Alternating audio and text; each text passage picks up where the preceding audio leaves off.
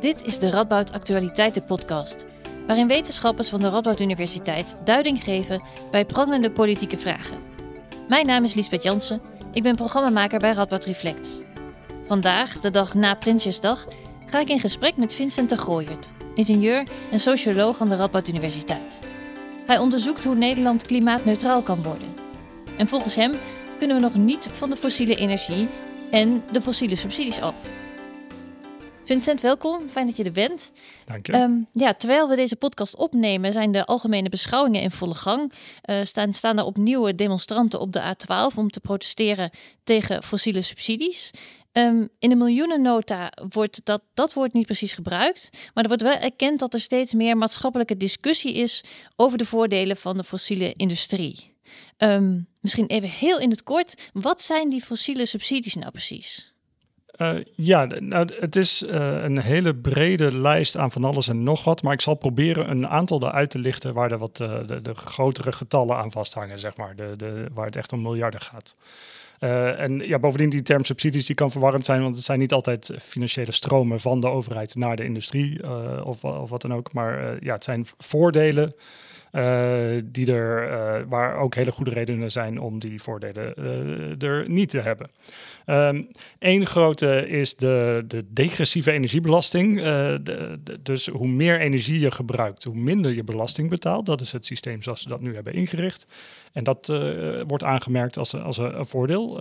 En dat is, nou ja, dat is ook in lijn met de internationale richtlijnen die er zijn om dit soort voordelen in kaart te brengen. Een andere zijn uh, de, de, uh, nou ja, de, lage belastingen of de lage heffingen of accijnsen voor uh, scheep, internationaal scheepsverkeer en internationaal vliegverkeer. Um, dan heb je nog de, de gratis ETS-certificaten die worden uitgedeeld. Uh, dat zijn, uh, we hebben een emissiehandelssysteem in Europa. Dus er zijn uh, als, voor zware industrie, die moeten certificaten kopen. Voor elke ton CO2 die ze uit moeten stoten, moeten ze een, een certificaat kopen. En die kunnen ze met elkaar verhandelen. Maar vanwege, vanwege allerlei redenen zijn er ook gratis rechten die worden uitgegeven. En nou ja, dat is ook een vorm van voordeel dat ook in dit rijtje past. En de laatste is eigenlijk, een laatste hele grote, is het uh, niet belasten van uh, fossiele brandstoffen als grondstof. Als, dus de kolen, olie en gas, die worden gebruikt als brandstof. Even, je verbrandt het en dan nou, kun je auto rijden of je krijgt hoge temperaturen mm-hmm. die nodig zijn voor industriële processen. Maar naast als uh, brandstof gebruiken kun je het ook als grondstof gebruiken. Dus dan uh, heb je chemische processen die de olie of het gas omzetten in een ander product. Dat gebeurt bijvoorbeeld bij kunststoffen. Uh, olie wordt omgezet in plastics. Of het gebeurt bij kunstmest. Aardgas wordt omgezet in kunstmest. Mhm. En dan, ja, er zit ook geen belasting op het gebruik van kolen, olie en gas als grondstof. Ja, ja, dus de overeenkomst is eigenlijk dat die bedrijven, die krijgen niet zozeer geld van de overheid, maar ze krijgen voordelen uh, in het feit dat ze niet zoveel belasting hoeven te betalen als, als sommige andere mensen. Ja, of sommige dus, andere partijen. Ja, dus alle berekeningen die, die pakken twee getallen. Eén is uh, wat betalen die, uh, de, de, wat betalen ze ervoor? De fossiele industrie of dat scheepsverkeer of wie, de, wie er dan ook gebruik maakt van kolen, olie of gas. En de, het andere getal is ja, wat, wat zou je er redelijkerwijs voor kunnen vragen? Of wat zou je er redelijkerwijs voor moeten betalen? Het verschil tussen die twee is dan het voordeel. Oké, ja, want, want Marnix van Rij die zei gisteren dat het woord fossiele subsidies in feite niet klopt. Want, zei hij, het gaat grotendeels niet om direct geld overmaken. Van de, ben je het daarmee eens? Uh, je zou kunnen zeggen dat, nou ja, de, hoe de term subsidie vaak wordt gebruikt, is anders dan hoe die in deze context wordt gebruikt. Ja, dus ja, uh, ja, vaak, vaak, wordt, ja, vaak wordt ge, subsidie gezegd van, nou, dan gaat er geld van de overheid naar, naar iemand anders. Ja. dat is in dit geval niet altijd het geval. Neemt ook het gevaar mee dat je niet mag rijk rekenen met, oh, als we deze subsidies niet meer zouden geven, dan zouden we heel veel geld overhouden voor iets anders. Nou, dat is niet per se hoe het werkt. Mm -mm. Nee, dus als een puur economisch motief zou niet voldoende zijn om te zeggen we stoppen ermee. Uh, uh, ja, dat is misschien uh, ook waar. Dus je kan verschillende motieven hebben om ermee te stoppen. Ehm, maar dat is denk ik nog net iets anders dan als we deze uh, regelingen afschaffen, hebben we precies evenveel geld beschikbaar om aan andere dingen te besteden. Ja. Dat is in ieder geval niet het geval. Nee. Oké, helder. Um, die demonstranten op de A12, die zeggen, nou we blijven hier zitten totdat alle fossiele subsidies zijn afgeschaft. Stel je voor dat jij de in de positie was, hè, dat jij de macht had om te zeggen, nou, dat gaan we doen. Gaan we vanaf nu op morgen gaan we stoppen met die fossiele subsidies. Zou je dat dan doen? Ik denk dat er goede redenen uh, zijn om dat niet voor alle regelingen te doen. Voor sommigen misschien wel. Uh, voor sommigen uh, is het logisch om een plan te hebben om het af te bouwen, maar dat niet op, van vandaag op morgen te doen. Want? het kan. ja, je probeert in de politiek altijd verschillende doelen tegelijkertijd te bereiken. Maar zelfs als je het alleen op het doel van de gevaarlijke klimaatverandering zoveel mogelijk tegengaan, alleen maar op dat doel bekijkt, zou het zelfs uh, ja, nadeliger uit kunnen pakken dan uh, het, het langzamer, of in ieder geval stapsgewijs ja? afbouwen. Ja, hoe zie je dat? Waarom zou dat nadeliger zijn?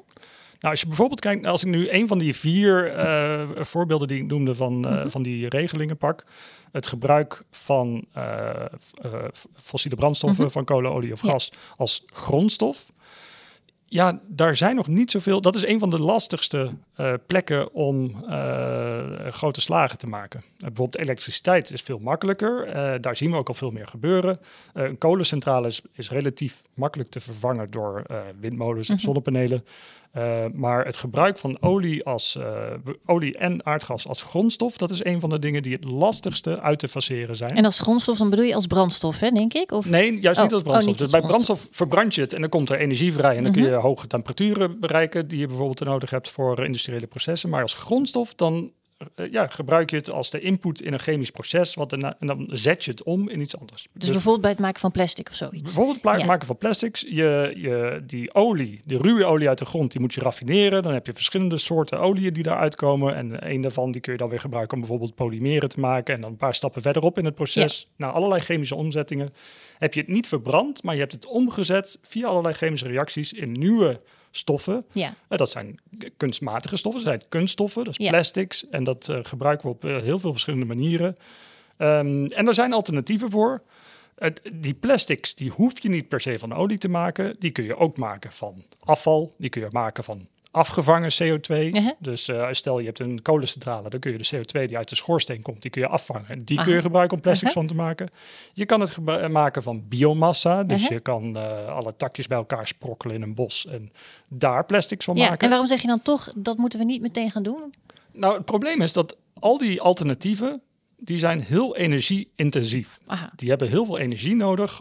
Je hebt heel veel energie nodig om van uh, biomassa plastics te maken of om van uh, afgevangen CO2 plastic te maken uh -huh. of van afval. En nu ja, spelen we eigenlijk een soort van vals. We halen die olie uit de grond -hmm. en die is al, uh, ja, al in, in zo'n stadium dat het heel makkelijk is om dat op te zetten in plastics. Ja. En al die andere varianten, die kosten heel veel energie. Dan moeten we heel veel energie toevoegen om die omzetting te realiseren. En op dit moment, en dat is misschien wel goed om te realiseren, is 85% van de energie die we uh, gebruiken in Nederland, die is nog fossiel. Mm -hmm. 15% is mm -hmm. duurzaam. Voor elektriciteit is het anders. Daar is al, uh, stond uh, 40% in 2022 was al hernieuwbaar. Maar voor energie, dus elektriciteit, maar ook warmte bijvoorbeeld, uh, is dat uh, ja, nog maar 15 procent. Mm -hmm. Dus als je een, een huidig proces dat niet zo energie-intensief is, als je dat vervangt door een heel energie-intensief proces, dan heb je er heel veel energie voor nodig. En die energie die je ervoor nodig hebt, die is 85% fossiel. Ah, dus feitelijk is dat dan slechter voor het klimaat? Uiteindelijk heb je dan, op, als je dat vandaag zou doen, op grote schaal, dan heb je meer CO2-uitstoot in vergelijking met wanneer je dat gefaseerd uit, uh, ja. uh, uh, uitrolt. En daar zit een voltijdelijkheid in van wat we eerst nodig hebben, is een overvloed aan hernieuwbare elektriciteit, uh -huh. aan windmolens, zonnepanelen, andere vormen van hernieuwbare elektriciteit, of in ieder geval uh, vormen van elektriciteitsopwekking -huh. die weinig CO2 uitstoten. En als we daar heel veel van hebben, dan kunnen we het ons veroorloven om uh, dit soort veel energie-intensievere processen in te richten, waarbij we uh, onze plastics niet meer maken van olie, ja. maar van biomassa, afval ja. of afgevangen CO2. Ja, en, en, even los van zeg maar de, de consequenties voor het milieu die je net hebt geschilderd. Uh, ik kan me ook voorstellen dat als we van, van de ene dag op de andere stoppen met uh, het gebruik van fossiele energie, dat er iets economisch ook anders moet, of in ieder geval hè, dat het grote gevolgen heeft. Ja, ja zeker. En ja, daar is het net welk perspectief je pakt. Um, want ja, dat, dat, zou, dat zou hele grote gevolgen kunnen hebben. Maar er zijn ook vanuit de industrie zijn er ook al jaren oproepen om, nou ja, kom nou eens met, met die regels en uh, laten we het eens inrichten op de toekomst. En uh, ja, zolang die regels maar voor iedereen hetzelfde gelden, mm -hmm. dan, dan kunnen we ons daar, daar als industrie op inrichten. Ja. Als je het perspectief pakt van een consument, dan valt het eigenlijk wel mee. Al die basischemicaliën, uh, al die basisproducten waar de energie-intensieve industrie aan werkt, ja, die, die vormen maar een klein onderdeel van het uiteindelijke product dat bij de consument mm -hmm. terechtkomt. Mm -hmm. Dus als jij een auto koopt en daar al het, al het plastic en al het staal dat erin zit, wordt uh, niet meer met kolen en, en, met olie gemaakt, maar met uh, duurzame alternatieven. Ja, dan is de orde van grootte, ja, is misschien, die auto wordt misschien 1% duurder. Dat, Ja. dat scheelt niet zoveel. En ook als je in de, in de winkel iets zou kopen dat op andere manieren gemaakt is, ja, dat, dat is ook maar een klein percentage dat dat product duurder wordt. Maar als Ja. je perspectief neemt van de energie-intensieve industrie en je hebt nu bijvoorbeeld eh, eh, een eh, de vraagprijs, daar kun je niks aan doen. Er wordt gewoon 1000 euro per ton bijvoorbeeld voor jouw product wordt er Mhm. gegeven. De, ja, daar zul je het mee moeten doen. En nu zit je daar met je kosten die je maakt om die ton te produceren, zit je daar net onder. Je maakt 900 euro kosten. Mhm. Nou, dan hebben we je marge over van 100 euro. En onder deze regels, als je in één keer je proces moet veranderen en het wordt net 200 euro duurder, ja, dan, zit je, dan maak je net verlies in plaats van dat je net winst Ja. maakt. En dan komt het dus net niet uit in plaats van dat het net wel uitkomt. En als een andere nog steeds op de oude manier mag blijven doen, dan maakt die winst terwijl jij verlies maakt. Ja, En- dus de nou, regels zouden in ieder geval eenvormig moeten zijn. Ja, en, eh, ja, en dus eh, ja, eh, als, en als het ook in die nu. Dus het één ding is dat het voor iedereen hetzelfde is. Anders krijg je geen gelijk speelveld. Iets wat vanuit de industrie vaak genoemd wordt als een mogelijk probleem.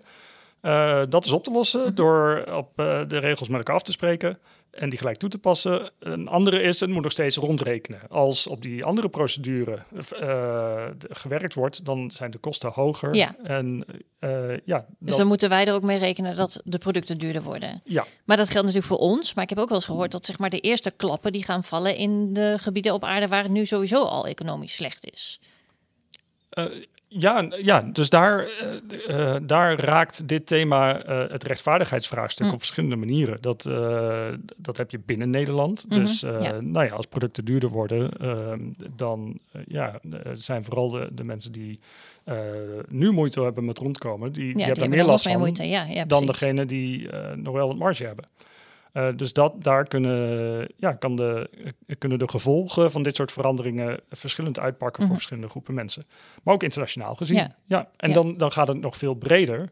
Eh, want ja, historisch gezien hebben wij een hele grote sector energie-intensieve industrie in Nederland. Ja. Dat kwam omdat we een eh, overvloed hadden, hadden aan makkelijk te bereiken aardgas.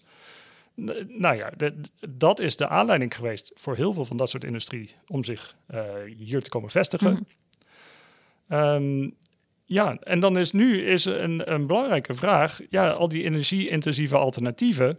eh, is het zo logisch dat die zich ook in Nederland vestigen? Er zijn hele goede redenen om dat wel te doen. Mhm. Eh, er zijn ook redenen om dat niet te doen. Maar daar kom je ook snel aan internationale rechtsvaardigheidsvraagstukken. Wat je nu bijvoorbeeld ziet is. Nou ja, we hebben op de Noordzee een, groot, een grote plek waar we veel duurzame eh, elektriciteit kunnen Mhm. opwekken. wekken. Er staan al veel windmolens en er komen nog veel meer. Maar ik heb nog geen berekening gezien waarbij dat voldoende is om alles wat we nu aan eh, economische activiteit hier in Nederland hebben, om dat op de, eh, op de duurzamere manieren te, te doen. Ja, Dus eh, bij alle berekeningen staat ergens een slidepost. Oh ja, en dan importeren we ook nog ja, ja. ja. zoveel energie. Ofwel in de vorm van eh, groene waterstof, ofwel een andere vorm. Maar we hebben import nodig. En daar kom je aan vraagstukken als... ja, maar is dit dan, moeten we dan nu dezelfde afhankelijkheidsrelaties Mhm. eh, eh, gaan, eh, gaan opzoeken... die we al, al jaren hebben? Of is dit dat een moment om te denken... nou ja, Misschien is het eh, ook wel eens de beurt aan andere delen in de wereld eh, waar wij eh, wat meer afhankelijk van worden. En, Uh-huh. en zouden er zijn er goede redenen om die afhankelijkheidsrelaties anders Ja. in te richten. Ja, ja, ja. Hey, we hebben het net vooral gehoord over zeg maar, de, de, de, de redenen waardoor het moeilijk is om per direct te stoppen met die fossiele subsidies. Wat zou er volgens jou wel moeten gebeuren? Wat zouden we wel kunnen doen en wat kan er bijvoorbeeld ook al op korte termijn? Ja, nou ja, er zijn genoeg redenen om, om wel dat plan op te stellen en er zo snel mogelijk vanaf te willen. Uh, en veel kan ook wel snel. Uh, en ja, wat ik ook wel graag wil noemen is dat uh, ja, het zijn allerlei prikkels in het huidige systeem. -hmm die paste bij hoe we eerder ons economische systeem hadden ingericht. Ja. En dat was omdat we veel aardgas hadden. En dat was vanuit, eh, vanuit allerlei redenen op een bepaalde manier ingericht. Ja. Maar die, die context die is ook snel aan het veranderen. Uh, de gas is veel en veel duurder geworden. Mhm. We halen het niet meer uit Groningen. Het moet vanuit andere plekken komen. En door de geopolitieke ontwikkelingen is het ook veel duurder geworden. Dus het gevaar dat je daarmee loopt, is dat die die prikkels nog zo zijn ingesteld dat ze nou het systeem een soort van in gevangen houden. Uh-huh. Terwijl ja, op de lange termijn is, kun je überhaupt afvragen of dat houdbaar is. Ja. Dus dan is het eigenlijk ja, voor, uh, voor iedereen goed om uh, ja, de, alvast die prikkels zo te veranderen dat we toewerken naar een nieuw verdienmodel voor Nederland. Uh, we hadden een oververtegenwoordiging van de energie-intensieve industrie. Ja. We zullen straks, misschien is het straks logischer om met eh, de, om deze, uh, dat deze sector kleiner wordt en andere sectoren groter. Dat kan. Of er zijn manieren waarop we het op uh, andere manieren in die energiebehoeften kunnen voorzien. En heb je een concreet voorbeeld? Een, een concreet voorbeeld van uh, wat we. van waar je dat zou kunnen toepassen? Die omschakeling? Ehm, ja, nou, die, die, die ja, volgens mij is die degressieve energiebelasting is dat een van de dingen waar het logisch lijkt. Uh, ja, uh, daar, dat is zo verweven met dat idee dat we een overvloed hebben aan uh, makkelijk beschikbaar aardgas, ja. wat niet meer zo ja. is. Ja, de energie is niet meer zo, zo goedkoop en zo beschikbaar. Dus voor een deel is toch gewoon een mentaliteitsverandering misschien? Ja, nou, het is ook, het, het is ook, het speelt zich af op een internationaal speelveld. Mm -hmm. Dus het komt ook uit de tijd dat we een soort race to the bottom hadden. Mhm. Van welke werelddelen, welke overheden durven het verst te gaan in het mhm. lokken van, uh, van, uh, bedrijven. van bedrijven. En dan door uh, bijvoorbeeld dit soort voordelen te verschaffen. En uh, dat lijkt nu langzaam te verschuiven in een race to the top, waarbij verschillende werelddelen juist uh, het aantrekkelijk maken. Dus de Inflation Reduction Act in de VS en uh, China heeft weer andere manieren om industrie, om zich aantrekkelijk te maken voor industrie, om zich daar te vestigen. Ja. En, en dat is nu het lastige in dat internationale, in dat internationale speelveld. Zal Nederland zich nu af moeten vragen: oké, okay, wel, wat, wat hebben wij te bieden en wat ja. kunnen we bieden? Ja. En daarbij is het niet zinvol om dan uh, ja, uh, proberen in stand te houden waar we van oudsher altijd goed in zijn mm -hmm. geweest. Als dat op de lange termijn niet rondrekent. Nee. Als we ja, nog steeds uh, energie-intensieve industrie Ehm, willen aantrekken, terwijl we niet meer zo, zoveel uh, energie hebben als eerder, hebben, ja, ja. dan is de vraag van, ja, is dat wel zo houdbaar op lange termijn? En hebben we dan niet een, een nieuw plan nodig? Niet alleen over het afbouw, afbouwen van fossiele subsidies, uh maar ook een plan van, ja, waar uh, ligt onze verdiencapaciteit en waar ligt onze positie in het internationale speelveld. Ja, ja, dankjewel. Als korte laatste vraag, gisteren was Prinsjesdag. Heb je iets over dit thema gehoord wat je is opgevallen? Ja, nou wat, wat ik opvallend vond, dus nu is ook de eigen berekening van de overheid mm -hmm. uh, naar buiten gekomen. En uh, ja, die was nog hoger dan wat de milieuorganisaties uh, eerder hadden, hadden gedeeld. dus de, wat nou ja, als subsidies of als voordelen wordt aangemerkt, pakte nog hoger uit. En dat zat vooral in dat, in dat stukje grondstoffen. Dus niet mm -hmm. waar kolen, olie en gas worden gebruikt om om uh, elektriciteit of energie mm -hmm. op te wekken, maar waar het als grondstof, als basis product als een basismateriaal wordt gebruikt om andere materialen van te maken. En dat, uh, ja, dat, uh, dat viel op. Dat, daar, daar zit ook blijkbaar nog een hele grote opgave die nog niet altijd even goed op een netvlies staat. Ja, dankjewel Vincent dat je er hier wilde zijn en je kennis met ons wilde delen. Heel graag gedaan. Dit was de Radboud Actualiteiten podcast. Bedankt voor het luisteren. Werk je in Politiek Den Haag? Kom dan ook naar de Radboud Actualiteiten Colleges. En wil je meer weten over de Radboud Universiteit en het onderzoek dat daar gedaan wordt? Kijk dan op www.ru.nl.